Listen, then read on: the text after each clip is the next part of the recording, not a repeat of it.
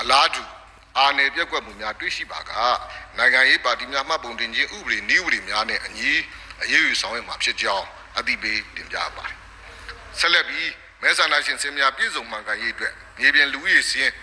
တိုက်ဆိုင်စစ်ဆေးခြင်းလုပ်ငန်းများဆောင်ရွက်လျက်ရှိတဲ့အခြေအနေကိုတင်ပြသွားမှာဖြစ်ပါတယ်။ဒီအောင်စုရွေးကောက်ပွဲကော်မရှင်အနေနဲ့ခြေကမဲဆန္ဒရှင်စင်းများပြည်စုံမှန်ကန်ရေးအတွက်မြေပြင်လူဦးရေစင်းများနဲ့တိုက်ဆိုင်စစ်ဆေးခြင်းရှေ့ပြေးလုပ်ငန်းစီမံချက် pilot project ဆောင်ရွက်ခြင်းကို 14ရက်2လ2020ရက်နေ့မှာစပြီးပြည်တော်စုနယ်မြေအတွင်းရှိမြို့နယ်များမှာစတင်ဆောင်ရွက်ခဲ့ပါတယ်။ဒီလိုဆောင်ရွက်ရမှာတွေ့ရှိရတဲ့တွေ့ရှိချက်များအပေါ်သက်ဆိုင်ရာပြည်ထောင်စုဝန်ကြီးဌာနအထွေထွေအုပ်ချုပ်ရေးဦးစီးဌာနနဲ့လူဝင်မှုကြီးကြပ်ရေးနဲ့ပြည်သူ့အင်အားဝန်ကြီးဌာနတို့မှတာဝန်ရှိသူများနဲ့တွေ့ဆုံဆွေးနွေးပြီးလိုအပ်တဲ့ပေါင်းစပ်ညှိနှိုင်းမှုများဆောင်ရွက်ခဲ့ပါတယ်။ယခုအခါမှာတော့မြေပြင်လူရည်စင်တိုက်ဆိုင်စစ်ဆေးခြင်းကိုတနိုင်ငံလုံးအတိုင်းအတာနဲ့တိုင်းဒေသကြီးပြည်နယ်အားလုံးမှာရွေးကောက်ပွဲကော်မရှင်အဖွဲ့အစည်းများ သက်ဆိုင်ရာဌာနများကပူးပေါင်းဆောင်ရွက်လျက်ရှိပါတယ်။ပြည်အောင်စုရွေးကောက်ပွဲကော်မရှင်ဥက္ကဋ္ဌနဲ့သက်ဆိုင်ရာတိုင်းဒေသကြီးပြည်နယ်တာဝန်ခံပြည်အောင်စုရွေးကောက်ပွဲကော်မရှင်အဖွဲ့ဝင်များကအနီးကစစ်ဆေးကြမှတ်ဆောင်ရွက်ခဲ့ပြီးလဲဖြစ်ကြောင်းတင်ပြပါတယ်။အထက်ပါမြေပြင်လူရည်စင်တိုက်ဆိုင်စစ်ဆေးကျင်းဆိုင်ရာလုပ်ငန်းများကိုသက်ဆိုင်ရာရွေးကောက်ပွဲကော်မရှင်အဖွဲ့ကတွေကဝန်ထမ်းတွေပြည်ထောင်ဝန်ကြီးဌာနရဲ့အထွေထွေအုပ်ချုပ်ရေးဦးစီးဌာနလက်အောက်ရှိရက်ွက်ကြေးရွာအုပ်စု အုပ်ချုပ်ရေးမှုတွေရိုက်ကျေးစည်းတွေယာအိမ်မှုဆဲမှုများနဲ့မြို့နယ်လာဝကမှာတာဝန်ရှိသူများပါဝင်တဲ့ပူးပေါင်းဖွဲ့များနဲ့ပူးပေါင်းစစ်ဆေးဆောင်ရွက်ခဲ့ခြင်းဖြစ်ပါတယ်။တိုင်းဒေသကြီးပြည်နယ်တော်မှာရှိတဲ့မြို့နယ်ပေါင်း325မြို့နယ်မှာဆောင်ရွက်ရှိရမှာယနေ့အထိဆောင်ရွက်ပြီး298မြို့နယ်ဆောင်ရွက်ဆက်14မြို့နယ်နဲ့ဆောင်ရွက်ရန်ကြံ73မြို့နယ်ဒါကြံရှိပါတယ်ဆောင်ရွက်ရန်ကြံရှိတဲ့မြို့နယ်တွေကတော့ကယားပြည်နယ်က2မြို့နယ်နဲ့ချင်းပြည်နယ်9မြို့နယ်စကိုင်းတိုင်းဒေသကြီး4မြို့နယ်တို့ဖြစ်ပြီးတော့ဆက်လက်ဆောင်ရွက်သွားမှာဖြစ်ကြောင်းကိုလည်းတင်ပြအပ်ပါတယ်ထို့အတူပြည်ထောင်စုရွေးကောက်ပွဲကော်မရှင်အနေနဲ့သက်ဆိုင်ရာတိုင်းဒေသကြီးပြည်နယ်အလိုက်တိုက်ဆိုင်စစ်ဆေးပြီးဖြစ်တဲ့အခြေခံလူဦးရေစင်းများကိုရယူပြီးကနဦးမဲဆန္ဒရှင်များစစ်စစ်ချင်းစနစ် Initial Border List Scrutinizer IVLS software ကိုအသုံးပြုပြီးတော့စီစစ်ဆောင်ရွက်လျက်ရှိပါတယ် IVLS software အသုံးပြုနည်းလမ်းညွှန်တင်ဒဏ်များကိုလည်းပြည်ထောင်စုရွေးကောက်ပွဲကော်မရှင်ကသက်ဆိုင်ရာတိုင်းဒေသကြီးပြည်နယ်ရွေးကောက်ပွဲကော်မရှင်အဖွဲ့ခွဲများကိုဒါပို့ချခဲ့ပြီးဖြစ်ပါတယ်စစ်ဆေးရမှာတွေ့ရှိရတဲ့ဒေဆုံးသူများအပါအဝင်မြေပြင်အခြေအနေစီးရင်စရာများကိုလည်းသက်ဆိုင်ရာဝန်ကြီးဌာနများဖြစ်တဲ့ပြည်ထောင်စုဝန်ကြီးဌာနနဲ့လူဝင်မှုကြီးကြပ်ရေးနဲ့ပြည်သူ့အင်အားဝန်ကြီးဌာနများကိုပေးပို့ပြီးအခြေခံမဲဆန္ဒရှင်များပြည်စုံမှန်ကန်ရေးအတွက်ပူးပေါင်းဆောင်ရွက်လျက်ရှိပါကြောင်းတင်ပြပါတယ်။ ယခုဆက်လက်ပြီးရွေးကောက်ပွဲအတွက်မဲစင်းပြုစုရေးဆိုင်ရာလုပ်ငန်းညီနိုင်အစည်းအဝေးကိုဇူလိုင်လ6ရက်နေ့ကနေပြည်တော်ရှိနိုင်ငံတော်စီမံအုပ်ချုပ်ရေးကောင်စီဥက္ကဋ္ဌယုံအစည်းအဝေးကမ်းမှာကျင်းပခဲ့မှုတင်ပြလိုပါတယ်။အစည်းအဝေးမှာနိုင်ငံတော်စီမံအုပ်ချုပ်ရေးကောင်စီဒုတိယဥက္ကဋ္ဌဒုတိယဝန်ကြီးချုပ်ဒုတိယဗိုလ်ချုပ်မှုကြီးစိုးဝင်းတက်ရောက်အမှာစကားပြောကြားခဲ့ပါတယ်။အစည်းအဝေးသို့ပြည်ထောင်စုရွေးကောက်ပွဲကော်မရှင်ဥက္ကဋ္ဌဦးသိန်းစိုးပြည်ထောင်စုဝန်ကြီးများဖြစ်ကြတဲ့ဒုတိယဗိုလ်ချုပ်ကြီးစိုးထွတ်ဥခင်ကြီးဒေါက်တာမျိုးသိန်းကျော်နဲ့တာဝန်ရှိသူများတက်ရောက်ခဲ့ကြပြီး နေပြည်တော်ကောင်စီဥက္ကဋ္ဌတိုင်းဒေသကြီးပြည်နယ်ဝန်ကြီးချုပ်များနဲ့တာဝန်ရှိသူများကဗီဒီယိုကွန်ဖရင့်ဖြင့်တက်ရောက်ခဲ့ကြပါတယ်။အစည်းအဝေးမှာနိုင်ငံတော်စီမံအုပ်ချုပ်ရေးကောင်စီဒုတိယဥက္ကဋ္ဌဒုတိယဝန်ကြီးချုပ်ဒုတိယဗိုလ်ချုပ်မှုကြီးစိုးဝင်းကအဆင့်လိုက်ဆောင်ရွက်ရမယ့်လုပ်ငန်းစဉ်များကိုအချိန်နဲ့တပြေးညီစနစ်တကျဆက်လက်ဆောင်ရွက်ကြရမှာဖြစ်ကြောင်းဒုမာသာလွတ်လပ်ပြီးမျှတတဲ့ရေကောက်ပွဲမှန်ကန်တဲ့ရေကောက်ပွဲစည်ရင်အတိအကျရှိတဲ့ရေကောက်ပွဲဖြစ်လာမှာဖြစ်ကြောင်းနဲ့နိုင်ငံသူနိုင်ငံသားများနဲ့ဌာနဆိုင်ရာများအတွက်အကျိုးရှိစေမဲ့ လူဝင်မှုကြီးကြပ်ရေးဆိုင်ရာစည်ရင်ကောက်ယူခြင်းလုပ်ငန်းများကိုဆက်လက်ပြီးပူးပေါင်းဆောင်ရွက်သွားရမှာဖြစ်ကြောင်းမှာကြားခဲ့ပါတယ်အစည်းအဝေးကိုတက်ရောက်လာကြတဲ့ပြည်ထောင်စုရွေးကောက်ပွဲကော်မရှင်ဥက္ကဋ္ဌဦးသိန်းစိုးပြည်ထောင်စုဝန်ကြီးများနေပြည်တော်ကောင်စီဥက္ကဋ္ဌတိုင်းဒေသကြီးပြည်နယ်ဝန်ကြီးချုပ်များနဲ့တာဝန်ရှိသူများက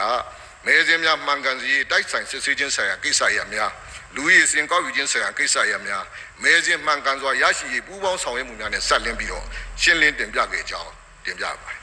ယခုဆက်လက်ပြီးပြည်ထောင်စုရွေးကောက်ပွဲကော်မရှင်ကဆောင်ရွက်လျက်ရှိတဲ့လုပ်ငန်းများကိုတင်ပြမှာဖြစ်ပါတယ်။ပြည်ထောင်စုရွေးကောက်ပွဲကော်မရှင်အနေနဲ့ရခိုင်ရွေးကောက်ပွဲတွေရဲ့အားနည်းချက်တွေချုပ်ရင်းချက်တွေကိုလေ့လာသုံးသပ်ပြီးပြောင်းလဲချက်သုံးမဲ့ရွေးကောက်ပွဲစနစ်နဲ့အညီလိုအပ်တဲ့ဥပဒေနည်းဥပဒေများပြင်ဆင်ပြဋ္ဌာန်းနိုင်ရေးဆောင်ရွက်ခြင်းအခြေခံမဲဆန္ဒရှင်စီးများပြည်စုံမှန်ကန်ရေးပြုစုဆောင်ရွက်ခြင်းနဲ့ရွေးကောက်ပွဲစနစ်အပါအဝင်တည်တင်တည်တိုက်တာတွေကိုပြည်သူလူထုနဲ့မဲဆန္ဒရှင်များအသိပညာပေးနိုင်ရေးအတွက်ပြိုကြိုတင်ပြင်ဆင်ခြင်းများဆောင်ရွက်လျက်ရှိပါတယ်။အလားတူ ရွေးကောက်ပွဲလုပ်ငန်းစဉ်များဆောင်ရွက်ရမှာလိုအပ်တဲ့လူသားရင်းမြစ်များဖြည့်တင်းခြင်းလေ့ကျင့်သင်တန်းပေးခြင်းအခြေခံအဆောက်အအုံများဖြစ်တဲ့ကော်မရှင်ဖွဲ့ခွဲရုံးများတိစောက်ပေးနိုင်ရေးဆောင်ရွက်ခြင်းနဲ့စစ်ဆေးကြမှတ်ခြင်းများကိုအလေးထားဆောင်ရွက်လျက်ရှိပါကြောင်းတင်ပြပါဒီကုန်းချုပ်အနေနဲ့တင်ပြလိုတာကတော့ပြည်ထောင်စုရွေးကောက်ပွဲကော်မရှင်ဟာနိုင်ငံတော်စီမံအုပ်ချုပ်ရေးကောင်စီရဲ့နိုင်ငံတော်တာဝန်ထမ်းဆောင်ရမှာဆောင်ရွက်မဲ့ရှေ့လုပ်ငန်းစဉ်9ရက်နဲ့လုပ်ငန်းစဉ်1ပါလှုပ်ဆောင်တဲ့လှုပ်ဆောင်တိုက်တီများကိုဥပဒေနဲ့ညီဆက်လက် ဆောင်ရွက်လျက်ရှိပါကြောင်းနဲ့အရေးပေါ်ကာလဆိုင်ရာပြဋ္ဌာန်းချက်များနဲ့ညီဆောင်ရွက်ပြီးစီးပါကလုပ်ငန်းစဉ်9နဲ့ညီလွတ်လပ်ပြီးတရားမျှတတဲ့ပါတီစုံဒီမိုကရေစီအထွေထွေရွေးကောက်ပွဲကျင်းပနိုင်ရေးအတွက်ဆောင်ရွက်လျက်ရှိပါကြောင်းတင်ပြပါတယ်အားလုံးကိုကျေးဇူးတင်ပါတယ်ယခုဆက်လက်ပြီးတော့ကျွန်တော်တို့မိခွန်းများကိုမီဒီယာများကမေးမြန်းနိုင်ပါတယ်ကျွန်တော်တို့သတင်းမီဒီယာများအနေနဲ့မိကုံးများမေးမြန်းတဲ့အခါမှာ မေးလို့တဲ့မေးကိုလူရင်းတူရှင်မေးပေးဖို့ဆိုတော့ကျွန်တော်လည်းမြေတားရက်ခံလိုပါတယ်ပထမဦးစွာမြန်မာ National Post သတင်းဌာနကကျွန်တော်နောင်တော်လေးအေတာချုပ်ကိုဖိတ်ခေါ်ပါတယ်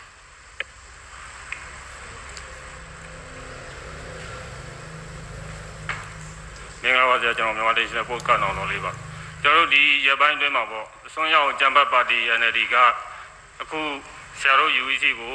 တရားမဝင်ပါဘူးကျေပါမဲ့ရွေးကောက်ပွဲကိုလည်း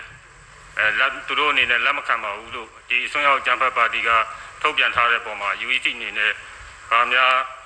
တဘောရမှတ်ချက်ပေးလို့ရရှိတယ်သူရဲ့ပြောဆိုချက်ကရောဥပဒေနဲ့ညီညွတ်သလားတုံးတက်ဖြစ်ကြပေးသေးလို့ပါဟုတ်ကဲ့ဒီဒီမေကွန်းနဲ့ပတ်သက်လို့တနေ့တော့ဒီမေးမြန်းတဲ့မေကွန်းနဲ့ပတ်သက်ပြီးကျွန်တော်တို့ဖြေရမယ်ဆိုရင်ကျွန်တော်တို့ဒီရက်ပိုင်းမှာဒီ social media online မှာဒီအမျိုးသားဒီမိုကရေစီအဖွဲ့ချုပ်ဗဟိုအလုပ်ကော်မတီဆိုတဲ့အမည်နဲ့သတင်းထုတ်ပြန်ချက် ထုတ်ပြန်တာတွေကိုတွေ့ရှိရပါတယ်ဒါ social media online မှာကျွန်တော်တွေ့ရတာဖြစ်ပါတယ်အဲ့တော့ကျွန်တော်တို့ဒီခုရှိတာကတော့ဒီထုတ်ပြန်ချက်ကဒါ online ပေါ်မှာထုတ်ပြန်ချက်ဖြစ်တော့ဒါကိုအတီးပြုတ်လို့တော့ commission နေနဲ့တော့ဒါအတီးပြုတ်လို့ဒါအတီးပြုတ်နိုင်ခြင်းတော့မရှိသေးပါဘူးအဲ့တော့ပြည်အောင်စုရွေးကောက်ပွဲကော်မရှင်နဲ့ဒီနိုင်ငံရေးပါတီတွေဒါပါတီတွေနဲ့ပတ်သက်လို့ရှိရင်ပါတီတွေကိုစစ်ဆေးနေပါတယ်စစ်ဆေးတဲ့အခါမှာဒီဇိုင်းနိုင်ငံရေးပါတီ62ပါတီခုနကျွန်တော်တင်ပြခဲ့တယ်လို့အဲ့ဒီထဲကနေ85ပါတီစစ်ခုနပါတီကြံပါတယ်အဲ့ဒီထဲမှာ NLD ပါတီလည်းကြံရှိပါတယ် အဲ့တော့ NLD ပါတီစစ်ဆေးနဲ့ပတ်သက်ပြီးဆောင်ရွက်တဲ့အခါမှာ NLD မှာအဓိကတာဝန်ရှိတဲ့ဘိုလ်လို့မှုဆောင်အဖွဲ့ကအချို့ကတော့ဖမ်းဆီးခံရတာရှိပါတယ်အချို့ကထွက်ပြေးနေပါတယ်အချို့ကတိမ်းရှောင်နေပါတယ်ကျွန်တော်ဆက်သွယ်တဲ့အခါမှာလည်းအဆက်အသွယ်ကကျွန်တော်တို့မရဖြစ်ပါတယ်ဒါကြောင့်ဒီပါတီကိုစစ်ဆေးနိုင်မှုအတွက်ဒါကျွန်တော်တို့လက်ရှိအခြေအနေမှာစစ်ဒီဆက်သွယ်ဆောင်ရွက်ဆဲအနေအထားမှာပဲရှိတဲ့အကြောင်းဒါပြောကြားလိုပါတယ်။ဒါကြောင့်ကျွန်တော်ပြောလိုတာကတော့ online ပေါ်မှာဒါဒါထုတ်ပြန်ထားတဲ့ထုတ်ပြန်ချက်ကို အတည်ပြုပြီးကကြတော့ပြည်ထောင်စုရွေးကောက်ပွဲကော်မရှင်ကတစ်ဖက်သက်တခါတည်းဆုံးဖြတ်ဆောင်ရွက်မယ်ဆိုရင်တော့ဒါမျှတမှုရှိနိုင်တဲ့အနေအထားရှိမှာမဟုတ်ပါဘူး။ဒါကြောင့်ပြည်ထောင်စုရွေးကောက်ပွဲကော်မရှင်အနေနဲ့ကတော့ပါတီကိုစစ်ဆေးပြီးကကြမှာအတည်ပြုပြီးမှသာလဲဥပဒေနဲ့အညီဆုံးဖြတ်ဆောင်ရွက်တော်မှာဖြစ်ကြောင်းဖြေကြားပါတယ်အဲ့ဒီမှာ One New Channel ကထုတ်လုပ်သူဦးသွင်ထူအောင်ဖိတ်ခေါ်ပါတယ်မင်္ဂလာပါခင်ဗျာ One News သတင်းဌာနကပါမေးမြန်းခြင်းတဲ့မိကုံကတော့လက်ရှိနိုင်ငံရဲ့အခြေအနေအရရက်ပေါ်သုံးသပ်ပြီး2023ခုနှစ်အထွေထွေရွေးကောက်ပွဲကတေချာပေါက်ကျင်းပနိုင်ဖို့ရှိပါသလားခင်ဗျာပါတီတွေကရောစုံစုံလင်းလင်းပါဝင်ရှင်ပြိုင်နိုင်ဖို့ရှိပါသလားဘလို့အခက်အခဲတွေရှိလာနိုင်လဲဘလို့စီစဉ်ဆောင်ရွက်မှုတွေလုပ်ထားသလဲဆိုတာသိချင်ပါတယ်ခင်ဗျာဟုတ်ကဲ့ပါကျေးဇူးတင်ပါအဲ့တော့ဒီမေးခွန်းက၃ပိုင်းလောက်ရှိတာပေါ့အဲ့ဒီမှာကျွန်တော်တို့ပြည်အောင်စုရွေးကောက်ပွဲကော်မရှင်အနေနဲ့ကတော့ကျွန်တော်တို့ နိုင်ငံတော်စီမံအုပ်ချုပ်ရေးကောင်စီရဲ့ဒီရှေ့လုပ်ငန်းစဉ်9ရက်မှာပါတဲ့လုပ်ငန်းစဉ်1နဲ့အညီကိုဆောင်ရွက်လျက်ရှိပါတယ်ပြီးရင်လည်းလုပ်ငန်းစဉ်9နဲ့အညီရေးပေါ်ကာလဆိုင်ရာပြဋ္ဌာန်းချက်များနဲ့အညီဆောင်ရွက်ပြီးရင်လွတ်လပ်ပြီးတရားမျှတတဲ့ပါတီစုံဒီမိုကရေစီထွေထွေရွေးကောက်ပွဲကျင်းပနိုင်မှုအတွက်ကျွန်တော်တို့ကကျွန်တော်တင်ပြခဲ့တဲ့အတိုင်းပဲကြိုတင်ပြင်ဆင်ဆောင်ရွက်လျက်ရှိပါတယ်အဲ့တော့ကျွန်တော်ဒီဇိုင်းနိုင်ငံရေးပါတီများကိုလည်းကျွန်တော်ခုနတင်ပြသလိုပါပဲဒီ ဒါဥပဒေနဲ့အညီစစ်ဆေးပြတ်မှတ်ခြင်းလုပ်ငန်းများကိုလည်းဆောင်ရွက်လျက်ရှိပါတယ်အဲ့တော့ပါတီများအနေနဲ့လည်းကျွန်တော်တို့ပြည်ထောင်စုရွေးကောက်ပွဲကော်မရှင်နဲ့ပါတီတွေနဲ့တွေ့ဆုံ၄ချိန်တွေ့ဆုံတဲ့အခါမှာအများစုကတက်ရောက်ပြီးကကြမှာဒီရွေးကောက်ပွဲစနစ်အပါအဝင်ဒီကိစ္စတွေမှာပူးပေါင်းဆောင်ရွက်မှုတွေလည်းရှိပါတယ်အလားတူပဲကျွန်တော်တို့နိုင်ငံရေးပါတီများမှပုံတင်ခြင်းဥပဒေနည်းဥပဒေအသစ်ပြဋ္ဌာန်းနိုင်ရုံနဲ့ဆောင်ရွက်ထားပါတယ်ဒီအသစ်ဥပဒေနည်းဥပဒေတွေပြဋ္ဌာန်းထုတ်ပြန်ပြီးပြီဆိုရင်လည်းနိုင်ငံရေးပါတီများအ ထပ်မှန်ပြီးတိုးပွားလာမဲ့အနေအထားများလည်းရှိနိုင်တယ်လို့လည်းသုံးသပ်ရပါတယ်အဲဒါကြောင့်ကျွန်တော်တို့ဒီဒီပေါ်မှာမူတည်ပြီးကကြတော့ကျွန်တော်တို့ပြည်တော်စုရွေးကောက်ပွဲကော်မရှင်အခုဘာလုပ်နေလဲဒီရခိုင်အားနည်းချက်တွေကိုမူတည်ပြီးဥပဒေမူပေါင်းအရလိုအပ်တာတွေပြင်ဆင်တာတွေနောက်မဲစင်းအဲပါဝင်လိုအပ်တာတွေပြင်ဆင်ဆောင်ရွက်ခြင်းများဆောင်ရွက်လျက်ရှိပါတယ်အဲ့တော့ဒီလုပ်ငန်းစဉ်ကိုကျွန်တော်တို့ကသတ်မှတ်တဲ့ရည်မှန်းတဲ့အတိုင်းလှုပ်ဆောင်ရမယ်လုပ်ငန်းတာဝန်တိုင်းကျွန်တော်တို့သွားနေပါတယ်သွားတဲ့အခါမှာခုနပြောတဲ့အတိုင်းအခက်အခဲတွေ တွေ့လာတယ်ဆိုရင်လည်းကျွန်တော်တို့ကဒီအခက်အခဲတွေကိုအောင်မြင်စွာကြော်ဖြတ်ပြီးဒီမှန်းချက်ကိုတာဝန်ကိုဒါပေါ်ဆောင်လှုပ်ဆောင်နိုင်မှုအတွက်ဒါပြည်သူလူထုပါဝင်အားလုံးဌာနဆိုင်ရာအားလုံးနဲ့ဒါပူးပေါင်းပြီးတော့ဆက်လက်ပြီးဆောင်ရွက်သွားမှာဖြစ်ကြောင်းလို့ပဲဖြေကြားပါတယ်ကျေးဇူးတင်ပါတယ်ခင်ဗျာတယ်ပြောသတင်းမီဒီယာအေဒီတာချုပ်ဦးစောမင်းဦးကိုဖိတ်ခေါ်ပါတယ်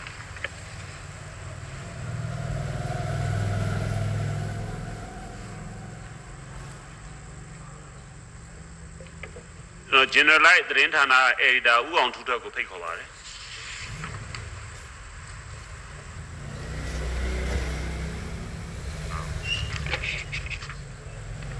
နေပြည်တော်မူခင်းတဲ့သတင်းစုံ agency ကသတင်းတော့ဥစောဝင်းကိုဖိတ်ခေါ်ပါတယ်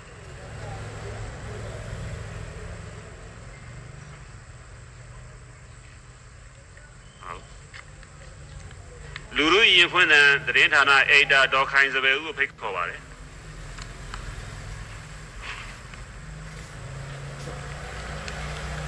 မင်္ဂလာပါလူလူရဖွင့်တန်ချန်နယ်ကအက်ဒီတာခိုင်စပယ်ဦးဖြစ်ပါတယ်မေကွန်းကတော့ကြိုတင်တင်လာတာပါစောစောတော့ကမေးတာနဲ့နည်းနည်းခက်ဆက်စင်လေးဖြစ်သွားပါတယ်အဲအခုကာလကရွေးကောက်ပွဲအကျိုးကာလဆိုပြီးတော့ UC ကနေပြီးတော့ပြင်ဆင်မှုတွေပြုလုပ်နေကြောင်းပြောကြားထားပါတယ်အောက်ခြေကပြည်သူအများစုပေါ့နော်အဲအခြေခံလူငန်းစားတွေကတော့ရွေးကောက်ပွဲကဖြစ်လာမှာမဟုတ်ပါဘူးအာဏာသိမ်းလိုက်ပါလိမ့်မယ်ဒါတွေကဟန်ပြပြီးလုပ်နေတာဖြစ်တယ်ဆိုပြီးတော့အများစုပြောကြားနေကြပါတယ်အဲ့ဒါနဲ့ပတ်သက်ပြီးတော့ဘယ်လိုများ အဲရှင်းပြနိုင်မလဲဆိုတာလေးမေးမြန်းချင်တာပါဟုတ်ကျေးဇူးတင်ပါတယ်အဲ့တော့ဒီမေခွန်းနဲ့ပတ်သက်ပြီးဖြေရရင်ကျွန်တော်တို့ဒီကျွန်တော်2020ပြည့်နှစ်အထွေထွေရွေးကောက်ပွဲမှာအားလုံးသိတဲ့အတိုင်းပဲအဲကျွန်တော်တို့မဲစင်းနေပမာဏကြီးမားစွာမှားယွင်းမှုရှိပါတယ်နောက်မဲမတမာမှုတွေတရားမဲ့ပြုကျင့်မှုဖြစ်စဉ်တွေဖြစ်ခဲ့ပါတယ်ဒီဖြစ်စဉ်တွေကိုကျွန်တော်တို့ရခင်အစိုးရရဲ့ နောက်ရခင်ရွေးကောက်ပွဲကော်မရှင်ကဒါဖြည့်ရှင်းဆောင်ရွက်နိုင်ခြင်းမရှိတဲ့အတွက်ဖွဲ့စည်းပုံအခြေခံဥပဒေပုံမှန်410ခွင့်ရနိုင်ငံတော်ရေးပေါ်ချီနေကြီးညာပြီးတော့ဖွဲ့စည်းပုံအခြေခံဥပဒေပုံမှန်418ကကြီးဟာနိုင်ငံတော်ရဲ့ဥပဒေပြုရေးအုပ်ချုပ်ရေးနဲ့တရားစီရင်ရေးအာဏာတွေကိုတမတော်ကာကွယ်ဦးစီးချုပ်ထံကိုတွဲခဲ့ရပါတယ်တမတော်ကာကွယ်ဦးစီးချုပ်ရုံးကနိုင်ငံတော်စီမံအုပ်ချုပ်ရေးကောင်စီကိုဖွဲ့စည်းပြီးကကြမှာဒါဆောင်ရွက်ခဲ့တာဖြစ်ပါတယ်အဲ့တော့ကျွန်တော်နိုင်ငံတော်စီမံအုပ်ချုပ်အုပ်ချုပ်ရေးကောင်စီကရှစ်လုပ်ငန်းစဉ်9ရက်ချမှတ်ဆောင်ရွက်ပါဟုတ် လားကျွန်တော်ပြည်သူလိုပဲအဲ့ထက်မှာပါတဲ့လုပ်ငန်းစဉ်တစ်အတိုင်းကျွန်တော်တို့ကလုပ်နေပါတယ်လုပ်ငန်းစဉ်9နဲ့အညီဒီအရေးပေါ်ကာလဆိုင်ရာပြဋ္ဌာန်းချက်များနဲ့ညီဆောင်ရွက်ပြီးရင်လည်းကျွန်တော်တို့ကလွတ်လပ်ပြီးတရားမျှတတဲ့ပါတီစုံဒီမိုကရေစီအထွေထွေရွေးကောက်ပွဲကိုကျင်းပပေးပါပဲဖြစ်ပါတယ်ဒါကြောင့်ကျွန်တော်တို့ကဒီလိုဆောင်ရွက်နိုင်တဲ့အခြေအနေတွေကိုလည်းအပတ်စဉ်ပေါ့လေခုနှစ်ပတ်တစ်ချိန်ကျင်းပပြုလုပ်တဲ့ဒါသတင်းစာရှင်းလင်းပွဲတွေမှာလည်းကျွန်တော်အနေနဲ့ရှင်းလင်းတင်ပြပြီးပြီဖြစ်ပါတယ်အဲ့တော့သတင်းတော်ကြီးမိများနဲ့ဟိုဒီလူများစုတွေကပြောတဲ့ပတ်သက်ပြီးတော့ပြောချင်တာတော့ ပြည်တော်စုရွေးကောက်ပွဲကော်မရှင်အနေနဲ့ကတော့နိုင်ငံတော်ဒီဟိုပါပေါ့လေစီမံအုပ်ချုပ်ရေးကောင်စီရဲ့အဲရှေ့လုပ်ငန်းစဉ်9နဲ့အညီအရေးပေါ်ကာလဆိုင်ရာပြဋ္ဌာန်းချက်များနဲ့အညီဆောင်ရွက်ပြီးပါကဒါမိမိရဲ့တာဝန်ဆောင်ရွက်ရမယ့်လုပ်ငန်းတာဝန်ဖြစ်တဲ့အထူးထူးရွေးကောက်ပွဲကိုအောင်မြင်စွာကျင်းပနိုင်ရေးအတွက်ဒါရည်မှန်းပြီးတော့ဆောင်ရွက်လျက်ရှိတယ်လို့ပဲဖြေကြားလိုပါတယ်ကျေးဇူးတင်ပါတယ်ကျေးဇူးတင်ပါတယ်မြန်မာ Public Press ကသတင်းတော့ကိုခန့်အောင်ဖိတ်ခေါ်ပါတယ်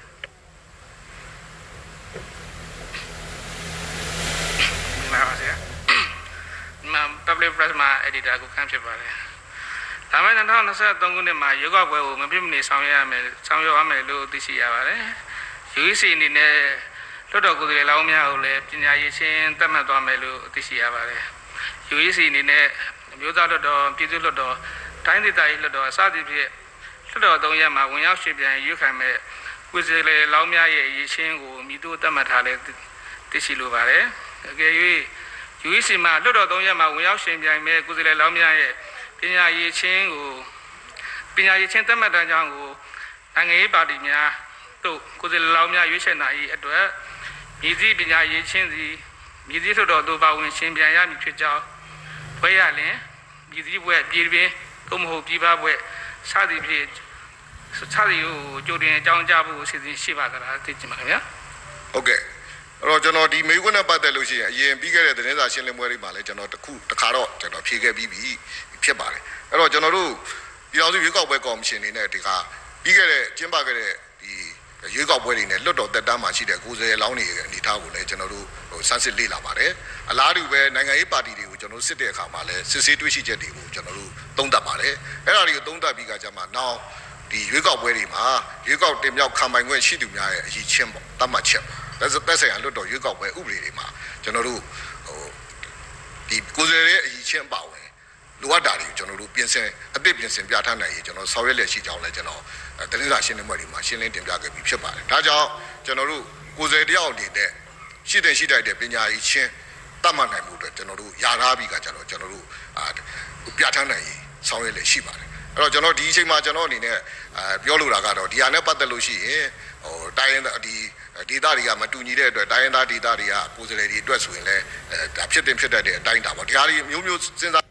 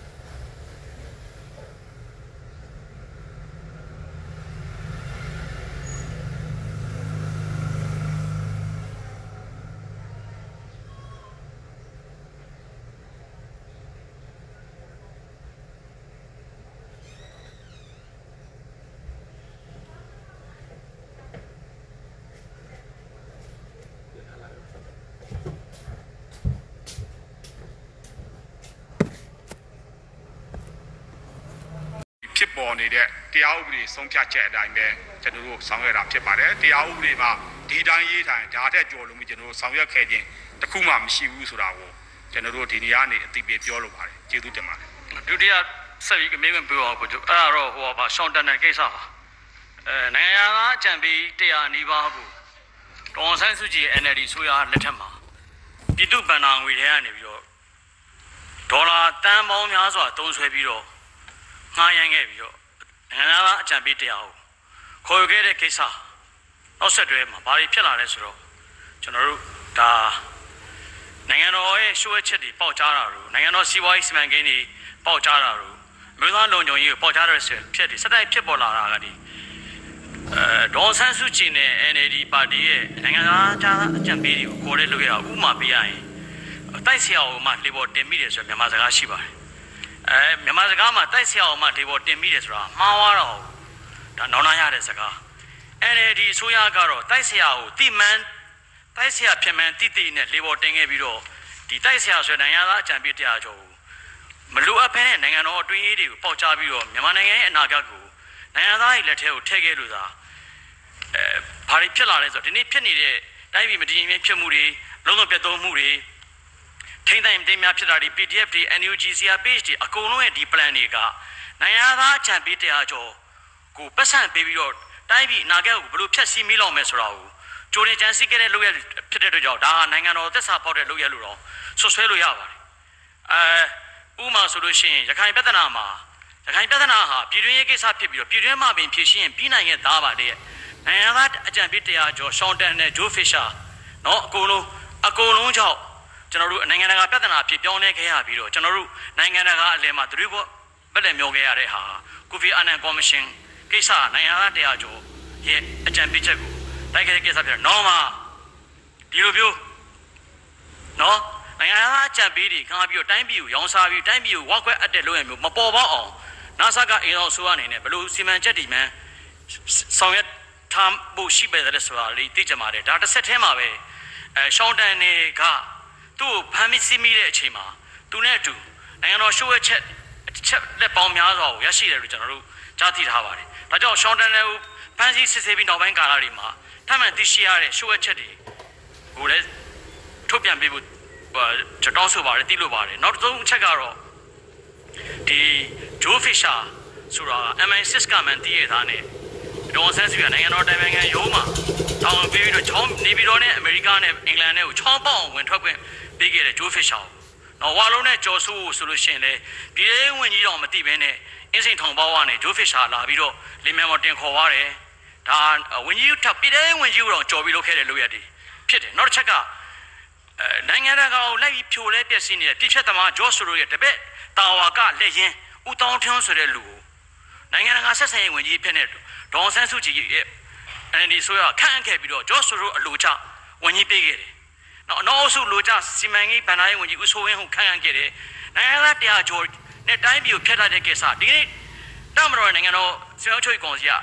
အသေးအတန်တိုင်းပြည်ကိုပြန်ထိန်းနေရတာမှာအခက်ခဲတွေဟာအဲ့နိုင်ငံသားတရားကျော်ခန့်ခဲ့ပြီးတော့တိုင်းပြည်ပဲလုပ်ငန်းတွေကိုလုပ်ခဲ့တယ်လို့ကျွန်တော်ယူဆတဲ့အတွက်ကြောင့်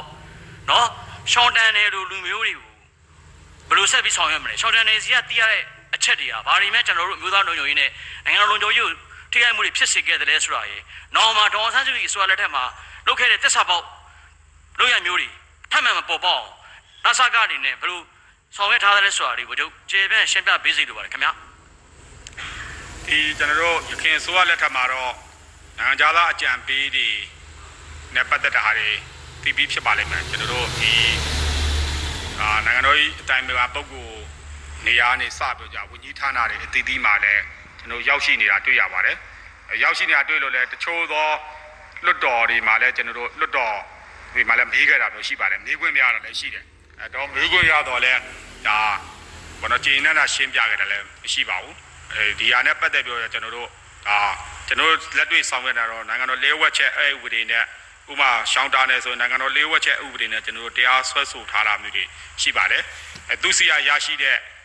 အချက်လက်တွေလည်းရှိပါတယ်ဆက်ဆက်ပြီးတော့じゃထပ်မံပြီးဖော်ထုတ်ရပါလေလည်းရှိနေစေဖြစ်တယ်လို့ကျွန်တော်တို့ပြောလိုပါတယ်အဲဒါတွေကတော့ကျွန်တော်တို့ဒါတည်တင်တည်တိုက်တဲ့အချိန်မှာတော့ကျွန်တော်တို့သိရသလောက်ပေါ့နော်တည်တင်သလောက်ကျွန်တော်တို့ဒါထုတ်ပြန်ပေးတာတွေလုပ်သားနိုင်တယ်လို့ကျွန်တော်တို့မျှော်လင့်ပါတယ်အဲပြီးရင်ကျွန်တော်တို့ဒီကျော်ဆိုးတို့ကိစ္စတွေလို့ခုနသတင်းတောက်နှစ်ယောက်ကိစ္စတွေတော့ဒါတွေဟာဒီနိုင်ငံမှာတကယ်ဖြစ်ပျက်ခဲ့တဲ့အဖြစ်အပျက်တွေဖြစ်ပါတယ် တကယ်ဖြစ်ပျက်ခဲ့တဲ့အဖြစ်အပျက်တွေဖြစ်ပါတယ်သက်ဆိုင်ရာသူတွေတောင်မှမသိဘဲနဲ့ဒါဆောင်ရွက်ခဲ့တဲ့ဟာမျိုးတွေရှိကြောင်းလည်းတွေ့ရပါတယ်အဲဒီလူတွေအကြောင်းမလို့လဲကျွန်တော်တို့ဒါရခိုင်ကိစ္စတွေဟာဒါဘောနော်ရခိုင်ကိစ္စတွေဟာမကြီးသိမဲ့နဲ့ကြီးသွားတဲ့ဟာမျိုးတွေရှိပါတယ်ဒါကိုခုချိန်ထိကျွန်တော်တို့ဒါမနေ့တနေ့ရတယ်ကျွန်တော် ICJ မှာသွားရောက်ပြီးတော့ကြာကြားနာခဲ့ရတဲ့ဟာမျိုးတွေရှိကြောင်းတွေ့ရပါတယ်အဲဒါတွေကိုဒီနိုင်ငံတော်စီမံအုပ်ချုပ်ရေးကောင်စီ ဒါအစိုးရလက်ထက်မှာတော့ကျွန်တော်တို့အနေနဲ့ဒါအကြံပေးများခန့်အပ်တဲ့နေရာမှာမိနိုင်ငံကိုတကယ်ချစ်မြတ်လို့တဲ့သူတွေပြည်သူလူထုအကျိုးကိုတကယ်ဆောင်ရွက်နိုင်တဲ့လူတွေကိုပဲကျွန်တော်တို့ခန့်အပ်ထားတာကိုလည်းတွေ့နိုင်မှာဖြစ်ပါတယ်အဲသူတို့အနေနဲ့လည်းကျွန်တော်တို့ရခင်ကတည်းကနိုင်ငံအကျိုးပြည်သူအကျိုးအတွက်ဒါအမုန်းခံပြီးပြောခဲ့တဲ့လူအများစုနဲ့ဖွဲ့စည်းထားတဲ့ဆိုတာလည်းကျွန်တော်တို့တွေ့ရမှာဖြစ်ပါတယ်အဲဒါတွေတော့ကျွန်တော်တို့လက်ထက်မှာကျွန်တော်တို့ဒါဆောင်ရွက်နိုင်ပြီမဲ့လို့ နောက်ကျွန်တော်တို့ရွေးကောက်ပွဲပြီးသွားလို့ဒါအစိုးရတရားတက်လာလို့ရှိရင်အပြောင်းလဲမဖြစ်နိုင်ရေးကိုလည်းကျွန်တော်တို့အနေနဲ့အခုချိန်ကစပြောကြအခြေခံပြီးကျွန်တော်အုံမြင့်ချထားမှာဖြစ်ပါတယ်။အဲဘာကြောင့်လဲဆိုတော့ရခင်လက်ထက်ပေါ့ပထမဆုံး2010ပြီးတော့2010နဲ့2015ကြားမှာကျွန်တော်တို့ကဒါမရှိသလောက်ဖြစ်ပါတယ်မရှိသလောက်ဖြစ်တယ်2015နောက်ပိုင်းမှာရှိလာခဲ့တယ်အဲဒီတော့ ဒီအစိုးရနေရာမှာလည်းကွာခြားချက်ရှိတယ်ဒါကြောင့်မလို့နောက်မှမဖြစ်နိုင်အောင်ဆိုတာဒီအချိန်ကနေစပြီးအခြေခံအုပ်မြစ်ချထားဖို့ကျွန်တော်တို့ဆောင်ရွက်သွားမှာဖြစ်ပါတယ်ဒါနဲ့ပတ်သက်ပြီးတော့ကျွန်တော်တို့ဘောနော်ခုနအားလုံးလည်းတည်ပြီးဖြစ်မှာပါနိုင်ငံရေးစီးပွားရေးလူမှုရေးကဏ္ဍအသီးသီးမှာဘာတွေလုပ်ခဲ့ကြတယ်ဆိုတာတည်ပြီးဖြစ်မှာပါလူမှုရေးအားဆိုလဲလူမှုရေးအမည်ခံအဖွဲ့တွေနောက်ွယ်ကနေထောက်ပံ့နေတဲ့ဟာတွေပြီးရင်စီးပွားရေးမှာဆိုလဲဒါအတွင်းထဲအထိဝင်ရောက်ပြီးတော့ကြ ဆောင်ရွက်သွားတဲ့ဟာမျိုးတွေပေါ့နော်စီးပွားဖြစ်တချို့တချို့လိုမျိုးဟာမျိုးတွေနိုင်ငံရေးမှာဆိုလဲအဓိကတည်နေပြီးလှုပ်ဆောင်တဲ့ဟာမျိုးတွေရှိပါတယ်ဒီရန်တွေကိုကျွန်တော်တို့ကကာကွယ်နိုင်ဖို့အတွက်အခြေခံတွေကိုလှုပ်ဆောင်နိုင်ရေးကျွန်တော်တို့လုံနိုင်မှလှုပ်သွားမယ်လို့ပဲတော့ဖြေကြလိုပါတယ်ကျေးဇူးတင်ပါတယ်ကျေးဇူးတင်ပါတယ်ခင်ဗျာကျွန်တော်ဘူးလက် new channel ကထုတ်ဝေသူဦးလာဆိုဖိတ်ခေါ်ပါတယ်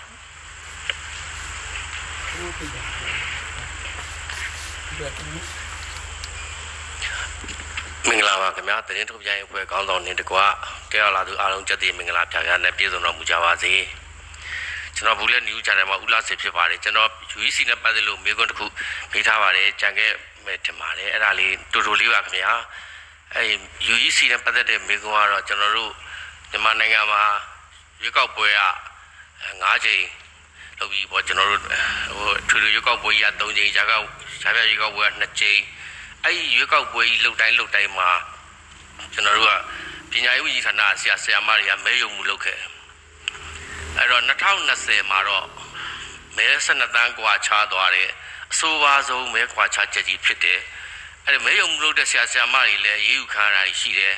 သူတို့ရဲ့ဗလိုက်မှုတွေဟာဘလောက်ထိများသွားလဲဆိုတော့ဟုတ်လားတမတော်ကောင်စီကဟလာတာဝန်ယူလိုက်တဲ့အချိန်မှာ CDL လုတ်တဲ့ ဝန်ကြီးဌာနတွေမှာပညာရေးဝန်ကြီးဌာနဆရာဆရာမတွေအများဆုံးဖြစ်တာကိုရာခိုင်နှုန်းအများဆုံးဖြစ်တာကိုတွေ့ရတယ်။ဒါပေမဲ့လို့နိုင်ငံတော်ဘောသစ္စာရှိစွာအကြောင်းသူအကြောင်းသားများဘောသစ္စာရှိစွာစတင်တဲ့ကျောင်းသူကျောင်းသားဟိုဆရာဆရာမများလို့လေနန်းစီတွေကလှုပ်လို့ဆိုပြီးတော့အသက်ခံရတာလည်းတော်တော်များတယ်။အဲ့တော့ဒီလိုဖြစ်နေတဲ့အချိန်မှာလာမယ့်ရွေးကောက်ပွဲမှာဒီဆရာဆရာမတွေကိုပဲပညာရေးဝန်ကြီးဌာနတစ်ခုတည်းကိုပဲမဲယုံမှုဆက်ခံအောင်ပါလားဒါမှမဟုတ်လဲ Miss Gulliver ဖြစ် လို့ပြောပြောအစော့တက်လို့ပြောပြောကျွန်တော်တို့ဝန်ကြီးဌာနဘောင်းဆောင်ကဥပမာလာဝကဝန်ကြီးဌာနဆိုရင်ဒီမဲစင်းတွေအတွက်ထဲထဲဝင်ဝင်တေချာလုံနေတာဖြစ်တဲ့အတွက်ကြောင့်အဲလာဝကဝန်ကြီးဌာနကိုဟလာခေါင်းတယ်ပြီးတော့မှကျန်တဲ့ဟလာမီတက်တို့ချက်ချင်းတွေတို့စသဖြင့်အဲ့ဒီဝန်ကြီးဌာနတွေအစုံနဲ့ကျွန်တော်တို့စုပေါင်းပြီးတော့လုပ်လို့ရှိရင်တယောက်နဲ့တယောက်ထိန်းချောင်းရင်းနဲ့ဒါမဲမတမာမှုတွေအာမဖြစ်ပေါ်နိုင်ဘူးလို့ကျွန်တော်တို့ကယူဆတယ်ဒါကြောင့်မလို့လာမယ့်ရွေးကောက်ပွဲမှာ ဒီဆရာဆရာမတွေကိုပဲပညာရေးဝိဇ္ဇနာတစ်ခုတည်းပဲခေါင်းတက်ပြီးတော့ဟလာမေယုံမူခံအောင်မှာလားဆိုအဲ့ဒါလေးတစ်ချက်သိပြရစီခင်ဗျ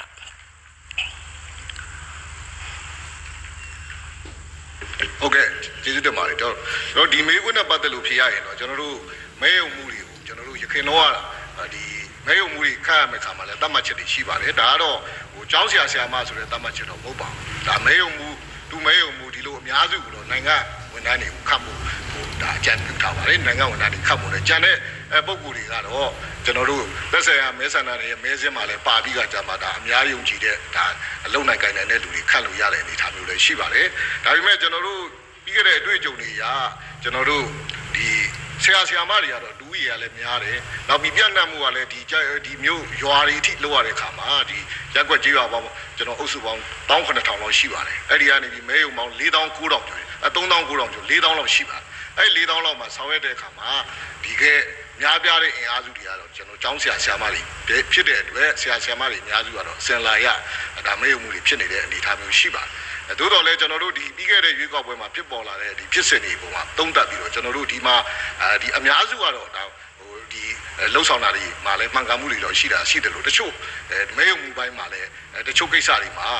ဒီအားနည်းချက်တွေရှိတာဥပဒေချိုးဖောက်တာတွေရှိတဲ့အတွက်လည်းကျွန်တော်တို့ဥပဒေနဲ့အညီအရေးယူဆောင်မှုတွေရှိပါတယ်အဲဒါကြောင့်ကျွန်တော်တို့ကတော့ဒီအခြေအနေတွေကိုသုံးသပ်ပြီးကကြတော့ကျွန်တော်တို့ဒီနောင်ကျင်းပပြုလုပ်မဲ့ရွေးကောက်ပွဲမှာတော့ဒီကျောင်းဆရာဆရာမတွေမဟုတ်ပါဘူးကျွန်တော်တို့ဥပဒေနဲ့ညီတတ်မှတ်ချက်နဲ့ကိုက်ညီတဲ့တခြားကုနာအကြံပြုတဲ့ဝန်ထမ်းတွေအပါအဝင်အားလုံးမှာခြုံငုံသုံးသပ်ပြီးတော့ဒီမဲယုံမှုနဲ့မဲယုံဖွဲ့ဝင်တာဝန်တွေကိုကျွန်တော်ပေးရဆောင်ရွက်သွားမှာဖြစ်ကြောင်းဖြေကြပါဟုတ်ကျေးဇူးတင်ပါတယ်ခင်ဗျာ ဟိုဒုတိယမိကုံကတော့ကျွန်တော်တို့သာသနာရေးနဲ့ဆိုင်ပါတယ်ကျွန်တော်တို့အခုချိန်မှာဟလာခြေကဝိရိပုံမှန်361ရာကျွန်တော်တို့မြန်မာနိုင်ငံဟာဗုဒ္ဓဘာသာအများစုကိုးကွယ်ပြီးတော့ဂုတ်တူဝိသေသတပြည့်စုံတဲ့ဘာသာရေးတရားဖြစ်တယ်ဆိုတာအားလုံးတီးပြီးဖြစ်ပါတယ်သို့တော်လည်းပဲအခုဘာသာရေး၄မျိုးမှာကျွန်တော်တို့ဗုဒ္ဓဘာသာအခုဟာအဖိနှိတ်ခံရဆုံးအနိကိုခံရဆုံးဒီအချိန်မှာဖြစ်နေပါတယ် BDF ရဲ့တက်ကက်ကဗုဒ္ဓဘာသာယဟန်တန်ဃာတွေဖြစ်နေပါတယ်ဟိုနေ့ကလည်းပဲနာဇာကအကောင်စီဥက္ကဋ္ဌကြီးကိုယ်တိုင်ရဟန်းတန်ဃာတွေဘာလောက်ဟလာတက်ခံလိုက်ရပြီဆိုတာကိုပြောပါတယ်နောက်ထပ်လည်းဘလောက်တက်ခံမလဲဆိုတာမဆိုးနိုင်ပါဘူးအဲ့တော့ဒါတွေကိုကာဝယ်ပေးဖို့ကကျွန်တော်တို့ဒီချိန်မှာမန်တိုင်းသုံးရက်ကိုကင်ထားတဲ့ကျွန်တော်တို့နတ်ဆကကောင်စီအနေနဲ့ကျွန်တော်တို့ကတကယ်ကိုသာသနာကိုကာကွယ်ပေးဖို့အတွက်အရေးပေါ်ဥပဒေတွေပြဋ္ဌာန်းပြီးတော့ဥမာဟလာဒီ Facebook ထဲမှာဟိုနေ့ကဆိုလေဟလာတကယ် အဲ့ဒါတီလူဆရာတော်ကြီးတို့ပုဂ္ဂိုလ်မျိုးအစတော်တော်လေးကိုပြင်းပြင်းပြင်းပြင်းထန်ထန်ဒါပုတ်ခတ်ပြောဆိုနေရလူပုဂ္ဂိုလ်ကျွန်တော်ဥလာဆွေကိုပုတ်လာပြောပြောဆိုပါကိစ္စမရှိဘူးလူချင်းချင်းကိစ္စမရှိဘူးတကယ်တကယ်ထေကြီးဝါကြီးဆရာတော်တန်ဃာတော်တွေများကိုဒီလိုပြောနေတာဟိုတော့ကျွန်တော်တို့ကသာသနာတော်ညှိုးနှွမ်းပြန်ပေါ်ရေးဥပဒေကိုကျွန်တော်လေးလာလိုက်တော့တယ်ဒါကဘာသာကြီးလေးမျိုးလုံးနဲ့အကျုံးဝင်နေတယ်ကျွန်တော်ကတီးတက်ပြထမ်းစေခြင်းနဲ့ကျွန်တော်တို့ဒီအချိန်မှာ ဟလာနာဆကအစိုးရဆိုတာလေသာသနာပြုမင်းအစိုးရဖြစ်တယ်ကျွန်တော်တို့သာသနာတော်ကိုကာကွယ်စောင့်ရှောက်ဖို့ရာအာဗာလဲဆိုတော့ဟလာဟိုဟိုပါဟိုတော့ရာဇာပဌာနာလို့သုံးပါတယ်ဒါမြတ်စွာဘုရားဟောကြားခဲ့တာရာဇာပဌာနာမင်းအစိုးရသည်ဒါလင်းအဓိကကြတယ်သာသနာကိုကာကွယ်ဖို့အဲ့လိုကာကွယ်ဖို့အတွက်ဒီချိန်မှာအ ထူးဥပဒေတရားပြဋ္ဌာန်းပြီးတော့အဲကျွန်တော်တို့ဘာသာရေးနဲ့ပတ်သက်တဲ့ဆရာတော်တန်ဃာတော်တွေကိုပုတ်ခတ်ရင်ထိပါရင်ဘလို့ပြင်းထန်တဲ့ဥပဒေချမယ်ဘလို့ဟလာပုံမှန်ချရမယ်လူကိုတတ်တာတမျိုးဘုန်းကြီးကိုတတ်တာတမျိုးဘုန်းကြီးကိုတတ်လို့ရှိရင်ဟလာယူကံမရှိဘလို့ပြစ်ဒဏ်ချမယ်စသဖြင့်အဲ့လိုမျိုးတွေတီးတက်ပြဋ္ဌာန်းပေးစီလိုပါတယ်အဲ့လိုပြဋ္ဌာန်း ဒီချိန်မှာအဲဒီလိုပြဋ္ဌာန်းပေးလိုက်မှသာလျှင်ကျွန်တော်တို့ရဲ့ဗုဒ္ဓဘာသာသာသနာဝင်ဆရာတော်ဟောတန်ဃာတော်များဟာနည်းနည်းအကာအကွယ်ရလိမ့်မယ်လို့ကျွန်တော်အနေနဲ့ယူဆပါတယ်ဒါကြောင့်မို့လို့အဲ့လိုမျိုးဒီချိန်မှာအရေးပေါ်ဥပဒေအာနာဥပဒေကဲ့သို့အာနာတည်သောအမိန့်တရားထုတ်ပြန်ပေးဖို့အစီအစဉ်ရှိပါသလားလို့တင်ပြပါတယ်ခင်ဗျာအဲကျွန်တော်တို့ဒီဘာသာရေးနဲ့ပတ်သက်လို့တော့ ဒီဘာသာနဲ့ပတ်သက်ဗုဒ္ဓဘာသာကိုစော်ကားတဲ့အပြုမှုတွေဘာသာရေးစိတ်ကိုနာကြီးစေတဲ့အပြုမှုများအတွက်အရေးယူဖို့ကတော့ကျွန်တော်တို့ရှားသားကြီးဥပဒေအခန်း15ဘာသာဘာသာဆိုင်ရာပြည်မှုများမှာပါရှိတဲ့ပုံမှန်တွေအရာကျွန်တော်ဆောင်ရွက်လို့ရပါတယ်ဥပဒေပုံမှန်295 295ကတို့296ကနေ298ထိဆောင်ရွက်နိုင်ပါတယ်။ online ပေါ်မှာတော့မဟုတ်မှန်ရေးသားစော်ကားမှုများနဲ့ပတ်သက်ပြီးစက်တရေးဥပဒေပုံမှန်များနဲ့တရားစွဲဆိုနိုင်ပါတယ်။ အဲတာနာနဲ့ရည်ကျေးမှုဝန်ကြီးဌာနအနေနဲ့တော့ပြည်မှုပြည်ထန်နဲ့ပတ်သက်ပြီးတိကျဥပဒေ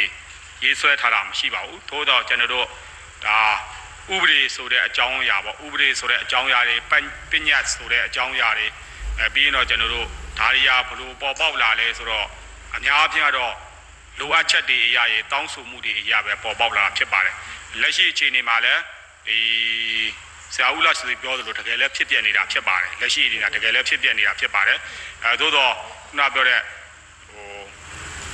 ဟိုဥပဒေကတော့အာနာတိသောအမိတ်ဆိုတာလဲဒီလိုအပ်ချက်အရာ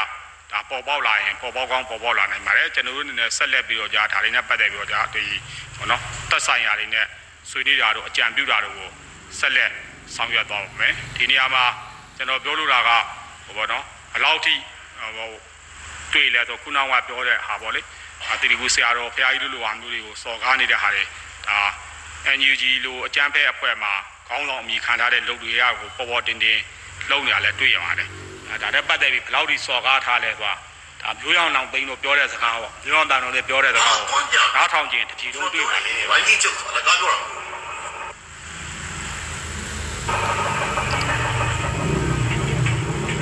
ပြတီတကူတော့အခု စေကိန်းတော့မတူလေဘယ်ကောင်တွေသူတို့ကိုကိုွယ်လဲအဲ့ကတော့တော့ဘယ်ကောင်တွေကိုကိုွယ်လဲဘာလို့တရားလုံးအောင်လဲရှင်းရှင်းလေးပဲအတ ယ်ကောင်းနေလဲကရုံးတော့ဘူးပဲအဲ့ဒီကြောင့်ဘယ်ကောင်းနေသွားလဲဒါမျိုးအစားပြောချင်တာကွာ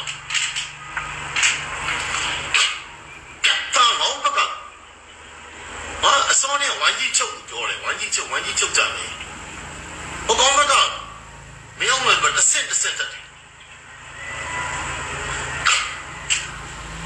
အခုတေးတကူအခုဘဲကောင်းပြောရင်ကွာကျုပ်တို့ဘက်ကတနိုင်ငံလုံးရှိတယ်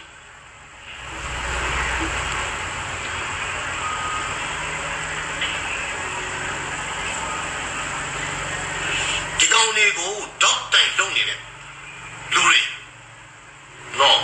တတုံးနေအကုန်မေနော်လူတဲ့ကောင်ကဆောက်ကွာရှင်းရှင်းလေးပဲဘယ်ကောင်တွေတူတယ်လဲဒီကောင်ဘယ်ကောင်တွေစီးပွားရေးလုံး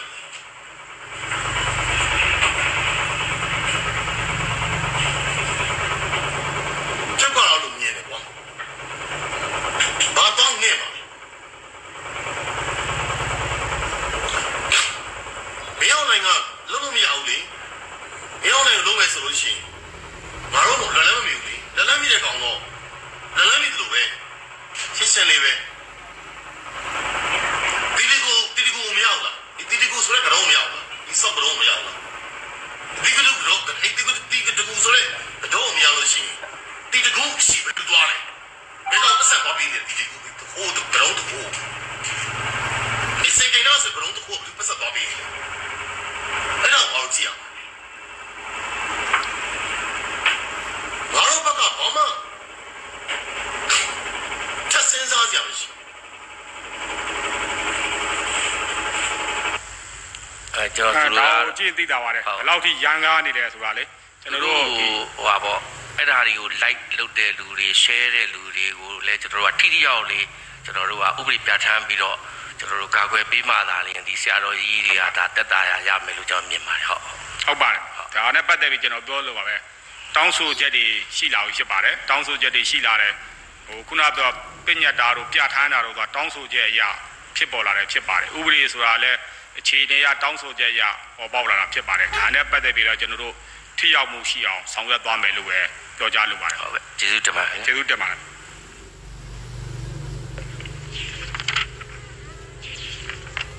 ကျွန်တော်မြန်မာဟတ်တော့သတင်းဌာနအေဒါချုပ်ဦးအောင်မင်းဖိတ်ခေါ်ပါတယ်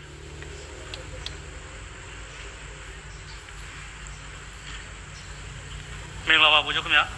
ကျွန်တော်ကတော့မြန်မာဟတ်တော့သတင်းဌာနရဲ့ သတင်းအက်ဒီတာဦးဥကဖြစ်ပါတယ်ခင်ဗျာကျွန်တော်တို့ဒီမေကွန်းလေးမှာတော့အချက်ကလေး၃ချက်လောက်ကျွန်တော်တို့သိချင်တာလေးရှိပါတယ်ခင်ဗျာအဲနံပါတ်၁ချက်ကတော့ကျွန်တော်တို့ဗဟိုဘဏ်ကပေါ်တော့ဒေါ်လာငွေကိုရှုပ်ကင်လာတယ်ဆိုတာနဲ့နောက်တစ်ချက်ကနိုင်ငံခြားကျွေးမီးကိုပြန်ဆက်ဖို့ဆိုင်းငံ့ခိုင်းတယ်ဆိုတာပေါ့နော်အဲ့ဒါကဘာကြောင့်လဲဆိုတာကိုကျွန်တော်တို့ပြည်သူလူထုကြဲကြဲပြန့်ပြန့်လေးသိရှိနိုင်ဖို့ဒါကိုလည်းဖြေချပေးစီလိုပါတယ်နောက်ကျွန်တော်တို့နံပါတ်2အချက်ပေါ့နံပါတ်2အချက်ကကြတော့ ကျွန်တော်မြန်မာနိုင်ငံဟာတဲ့တိလင်္ကာနိုင်ငံလိုဖြစ်လာနိုင်တယ်ဆိုပြီးတော့ကျွန်တော်ဒီကောလာဟလာတွေထွက်ထွက်ပေါ်နေတာရှိပါတယ်ဒါနဲ့ပတ်သက်လို့ပေါ့နော်ကျွန်တော်တို့ NASA ကအနေနဲ့ဘယ်လိုတုံ့ပြန်ပေးသွားနိုင်မလဲပေါ့ဒါကနံပါတ်2အချက်ပါခင်ဗျာနောက်နံပါတ်3အချက်ကတော့ကျွန်တော်တို့ NUG ချမ်းဖက်အုပ်စုတွေအနေနဲ့ပေါ့နော်ပြည်တွင်းဒီကျွန်တော်တို့ပြည်တွင်းမှာရှိတဲ့စီးပွားရေးလုပ်ငန်းရှင်တွေကိုသူက online ကနေပြီးတော့ဒီဒီစက်ကြီးကောက်ခံတာတွေရှိတယ်ပေါ့အဲ့လိုစက်ကြီးကောက်ခံတဲ့နေရာမှာမပေးလို့ရှိရင် အဲတပ်ပြစ်မဲ့လောက်ထိအောင်ချင်းချောက်ထားမျိုးတွေရှိပါတယ်ခင်ဗျအဲ့ဒါတွေလည်းကျွန်တော်တို့ကြားသိနေရပါတယ်ဒါတွေနဲ့ပတ်သက်လို့ပေါ့နော်အခုဒီ NASA ကအနေနဲ့ပေါ့ဒီစီးပွားရေးလုပ်ငန်းရှင်တွေဘက်ကနေပြီးတော့ဘယ်လိုမျိုးအကာအကွယ်ပေးဖို့စီစဉ်ရှိလဲဘယ်လိုမျိုးစီစဉ်ထားတာရှိလဲဒီချက်ကလေး၃ချက်ကိုကျွန်တော်တို့သိချင်တာပါခင်ဗျဒီဒေါ်လာနဲ့ပတ်သက်ပြီးတော့じゃမြန်မာနိုင်ငံရဲ့နိုင်ငံခြားငွေလဲလှယ်နှုန်းတည်ငြိမ်စေရေးနဲ့နိုင်ငံခြားငွေကိုထိရောက်စွာအသုံးပြုနိုင်ရတဲ့အတွက် လိုအပ်တဲ့လုပ်ငန်းတာဝန်တွေကိုအကောင့်ထဲပေါ်နိုင်ဖို့ကျွန်တော်တို့နိုင်ငံခြားသုံးငွေကြီးကြပ်မှုကော်မတီကိုဖွဲ့စည်းပြီးတော့ကြာမြန်မာနိုင်ငံတော်ဘဏ်ရဲ့အမင်းကြံညာသာမှစနစ်နေဆောင်2022ကိုထောက်ပြန်ခဲ့ပါတယ်။အဲဒီကြံညာသာအရကျွန်တော်တို့ကနိုင်ငံခြားငွေကြီးကြပ်မှုကော်မတီအနေနဲ့ပြည်ပကိုနိုင်ငံခြားငွေပေးချေလွှဲပြောင်းရေးအတွက်ဘဏ်ကိုဝင်ရောက်လာတဲ့ကုန်သွယ်မှုလုပ်ငန်းအရာငွေတွေနဲ့ကုန်သွယ်မှုမဟုတ်တဲ့လုပ်ငန်းအရာငွေတွေကိုကျွန်တော်တို့ဒါစီစစ်ပြီးတော့ကြာ ခွင့်ပြုပေးလျက်ရှိပါတယ်ဒါလိုထိန်းချုပ်မှုမျိုးတွေကျွန်တော်တို့ဆောင်ရွက်လျက်ရှိပါတယ်နံပါတ်2အနေနဲ့ကတော့ကျွန်တော်တို့ဒါပြည်ပချင်းငွေတွေဆိုင်းငံ့တဲ့အခါပေါ့နော်ဆိုင်းငံ့တဲ့ဟာကတော့ဒီဒီ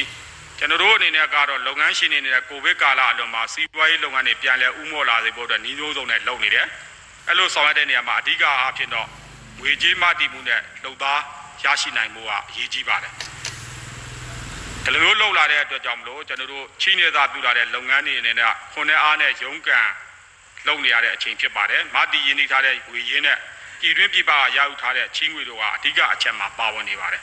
ပြည်တွင်းချီးငွေရတဲ့ပတ်သက်ပြီးချီးငွေတွေပြန်ဆရမယ်အစီအမံကာလတစ်ခုကိုကျွန်တော်တို့ဖြည့်လျှော့ပေးထားပါတယ်ကိုဗစ်အလွန်လုပ်ငန်းများပြန်လည်စတင်နေချိန်မှာတော့ဒါငွေရင်းထပ်မံထုတ်ကြိုးတိုးချက်ရေးအတွက်အခက်အခဲရှိတယ်လို့ချီးယူထားတဲ့ငွေရှိပါကလည်း အဲ့ဒီချီးငွေတွေကိုအတိုးနဲ့အရင်များပေးဆက်ရန်ရှိမှာဖြစ်ပါတယ်အဲ့ဒီနှစ်ခုအနက်ကနေပြောကြပြန်လည်ပေးဆက်ရမယ့်ကိစ္စရာများအတွက်ဘူဗန်အနေနဲ့ကာလတစ်ခုဆိုင်းငံ့စေခြင်းဟာလုပ်ငန်းရှင်များအချိန်ရယူဖို့အတွက်အထောက်အပံ့ဖြစ်စေခြင်းဒါရည်ရွယ်ခြင်းဖြစ်ပါတယ်အဲကျွန်တော်ဆိုင်းငံ့လို့လဲဆိုရင်လည်းဒီတိုင်းလဲဆိုင်းငံ့လို့မရပါဘူးကျွန်တော် payment ဒါ repayment schedule တွေအရပြန်လည်ပေးဆက်ရမယ့်အစီအစဉ်ကိုဒါချီးယူတဲ့သူနဲ့ချင်းကားတဲ့သူသဘောတူညီချက်ဖြင့် ဆောင်ရွက်နိုင်ကြောင်းအသိပေးအကြောင်းကြားခြင်းဖြစ်ပါတယ်ဒါနဲ့ပတ်သက်ပြီးတော့ကြာကျွန်တော်တို့ခုနပြောလို့ပေါ့နော် negative impact တွေဖြစ်เสียအကြောင်းမရှိပါဘူးလိုရာဆွဲတွေးပြီးတော့ကြာခုနပြောလို့ပေါ့နော်အဲဟိုပေါ့နော်အကျိုးမဲ့စေမဲ့ဖြစ်ရတော့မရှိပါဘူးလိုရာဆွဲသိပြီးတော့ကြာအပြုသဘောဆောင်တဲ့မှတ်ချက်ပြုပြီးတော့ကြာဒါပြည်သူလူထုအနောက်ရှက်ဖြစ်အောင်လုပ်ရင်းနဲ့ငွေစည်းနှုန်းကိုယ်စည်းနှုန်းများတက်အောင်လှုပ်ဆောင်နေခြင်းဖြစ်တယ်လို့ပဲ တို့မြင်ပါတယ်ဒါတွေကသဘောတူညီချက်တွေနဲ့ကျွန်တော်တို့ဒါလှုပ်ဆောင်သွားရမယ်ကိစ္စတွေပဲဖြစ်ပါတယ်ခုနပြောလို့ကိုရဆိုင်တာတဲ့အတိုင်းရဆိုင်လို့မရပါဘူးဒီလိုမျိုးသဘောတူညီချက်ယူပြီးလုပ်နိုင်တယ်လို့သာပြောခြင်းဖြစ်တယ်လို့ပြောလိုပါတယ်အခုနပြောတဲ့ကျွန်တော်တို့ online ကနေတစ်ဆင့်ချင်းချောက်တာပေါ့ကျွန်တော်တို့တွေ့ရပါတယ်အဲတချို့ဆိုဘယ်လောက်ထိစိုးတယ်လဲဆိုရင်ဒီကုမ္ပဏီတွေရဲ့လိပ်စာတွေမှာကုမ္ပဏီတွေရဲ့လိပ်စာတွေအထိပို့တာပါကုမ္ပဏီတွေရဲ့လိပ်စာမှာကုမ္ပဏီတွေရဲ့ public နဲ့ ပြည်သူလူထုနဲ့ဆက်သွယ်တဲ့ဒါ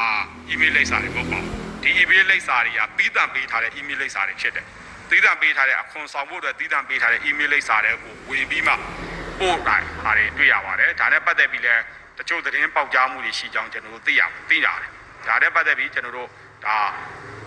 အရေးယူဆောင်ရွက်နိုင်ရေးဆောင်ရွက်လျက်ရှိပါတယ်စီးပွားရေးလုပ်ငန်းရှင်တွေအနေနဲ့လည်းခုနပြောတဲ့အထက်မှာကျွန်တော်တို့ပါပြီးသားပါ အဲတချို့လည်းပေးနေတဲ့ဟာတွေလည်းကျွန်တော်ကြားပါတယ်အဲဒါနဲ့ပတ်သက်ပြီးစင်ញင်ကြဖို့ပြောလိုပါတယ်အကာအကွယ်ပေးသွားမယ်လို့လည်းပြောလိုပါတယ်ဒီလောက်ပါပဲ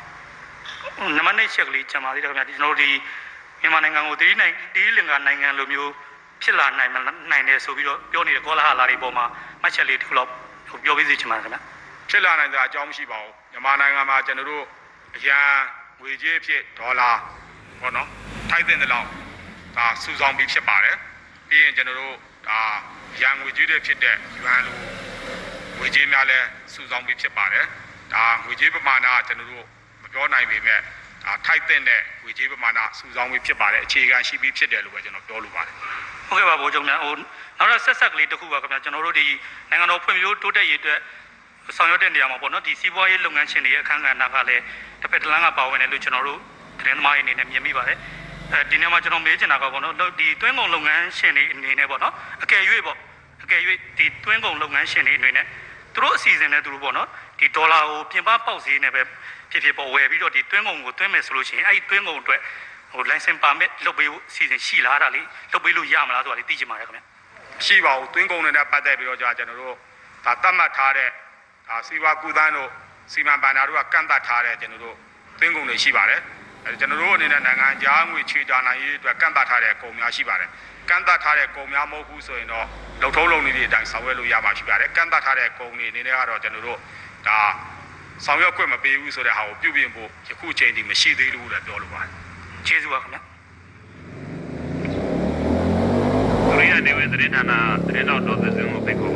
ါတယ် ဟုတ်ကဲ့မင်္ဂလာပါရှင်။တမီးကတော့သူရိယနေဝန်တရင်တော့ဇင်ဒဇင်ဦးဖြစ်ပါရှင်။ဒီနေ့မှာတော့မိကုန်းနှစ်ခုမေးမြန်းပေးသွားမှာဖြစ်ပါရှင်။ပထမဆုံးမေးမြန်းလိုတာကတော့စီမံကိန်းနဲ့ဗန္ဒာရေးဝန်ကြီးဌာနကနေပြီးတော့ငွေကျပ်400ဘီလီယံကိုပြည်ရင်းစီးပွားရေးလုပ်ငန်းရှင်တွေကိုဒါအတုံးတုံးတက်တာသွားနဲ့ငွေထုတ်ချေးသွားမယ်ဆိုပြီးတော့ထုတ်ပြန်ခဲ့တာကိုတွေ့ရပါတယ်ရှင်။ဆိုတော့ဘယ်လိုလုပ်ငန်းအမျိုးအစားတွေကိုဘယ်လိုစံတက်မှတ်ချက်တွေနဲ့ထုတ်ချေးသွားမလဲဆိုတာကိုသိရှိလိုပါတယ်ရှင်။အဲခုနကျွန်တော်တို့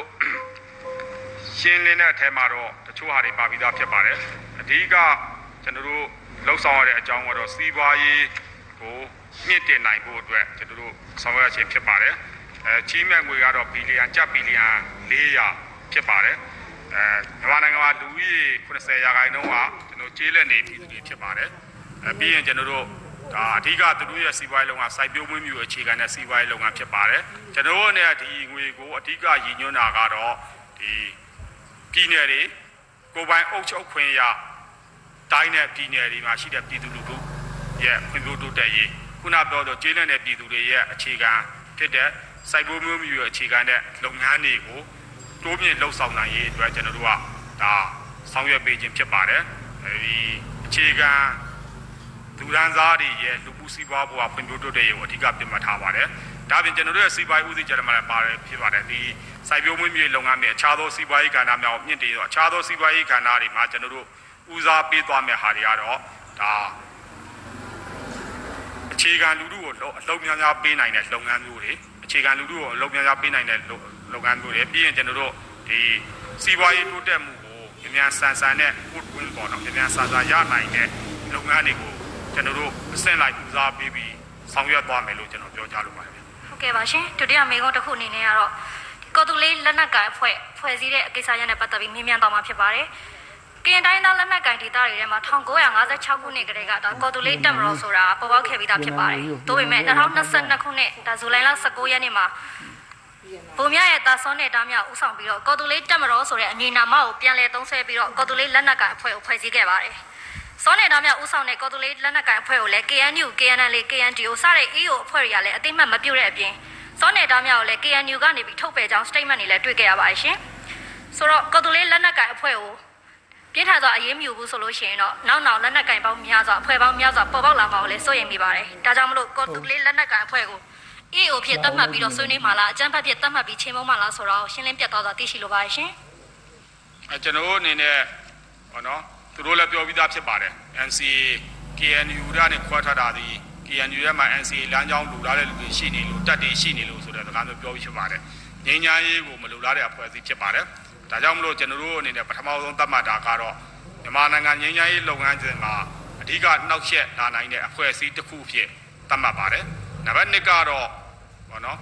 ခုနပြောလို့ပြောရမယ်ဆိုနှိုင်းရှင်တာပေါ့လေနှိုင်းရှင်တာပေါ့ KNU ကနေပြောကြသူ့ကိုထုတ်ပလိုက်တယ်ထုတ်ပလိုက်တဲ့အကြောင်းကတော့ဝေါ်လီမှာဒါအရသား25ဦးကိုတပ်ဖြတ်ခဲ့တာဖြစ်တယ်စစ်ရာဇဝတ်မှုရောက်တဲ့ဟာတွေလောက်တာဖြစ်တယ်သို့တော့ကျွန်တော်တို့ဒါ KNU တို့ဘာတို့ကလာမထောက်ခံနေတာသူ့ကိုထောက်ခံနေတဲ့အဖွဲ့အစည်းတွေရှိသေးတယ်သူ့ကိုထောက်ခံနေတဲ့အဖွဲ့အစည်းကတစ်ဖွဲ့ပါပဲဘယ်သူကထောက်ခံနေလဲဆိုတော့ကျွန်တော်ခုနပြပြီးပါပြီဒါတတန်ပေးခဲ့တဲ့လူဟာမျိုးတွေကျွန်တော်ပြပြီးသားဖြစ်ပါတယ်အဲမျိုးထောက်ပံ့နေရမျိုးတွေရှိပါတယ်အဲဒီမှာကျွန်တော်သတ်မှတ်တာကတော့ဒီအဖွဲ့အစည်းရဲ့စံနှုန်းကိုသတ်မှတ်တာကတော့ဒီအဖွဲ့အစည်းဒီ KNU ဖွဲ့ရတော့မှပဲသူကထုတ်ပလိုက်တဲ့အဖွဲ့အစည်းဖြစ်တယ်သူတို့အနေနဲ့ကအရသားပါမရှောင်တတ်ဖြတ်နေတဲ့အဖွဲ့အစည်းဖြစ်တယ်ဒါကြောင့်မလို့မူရှိတဲ့အဖွဲ့အစည်းလို့ကျွန်တော်မသတ်မှတ်ပါဘူးမူမရှိတဲ့အဖွဲ့အစည်းဖြစ်ပါတယ်မူမရှိတဲ့အဖွဲ့အစည်းနဲ့ငြိမ်းချမ်းရေးဆွေးနွေးနိုင်ဖို့တော့လောက်ကင်နိုင်ဖို့ဆိုတာဖြစ်နိုင်တဲ့အကြောင်းအရာမရှိပါဘူးကျွန်တော်တို့အနေနဲ့ကတော့ဒီအဖွဲ့ကိုလည်းအကြမ်းဖက်အဖွဲ့အဖြစ်သတ်မှတ်ဆောင်ရွက်သွားမှာဖြစ်ကြောင်းပဲပြောလိုပါတယ်ကျေးဇူးတင်ပါတယ်ရှင်ကျွန်တော် trend ကြနေက editor ချုပ် online မှာဖိတ်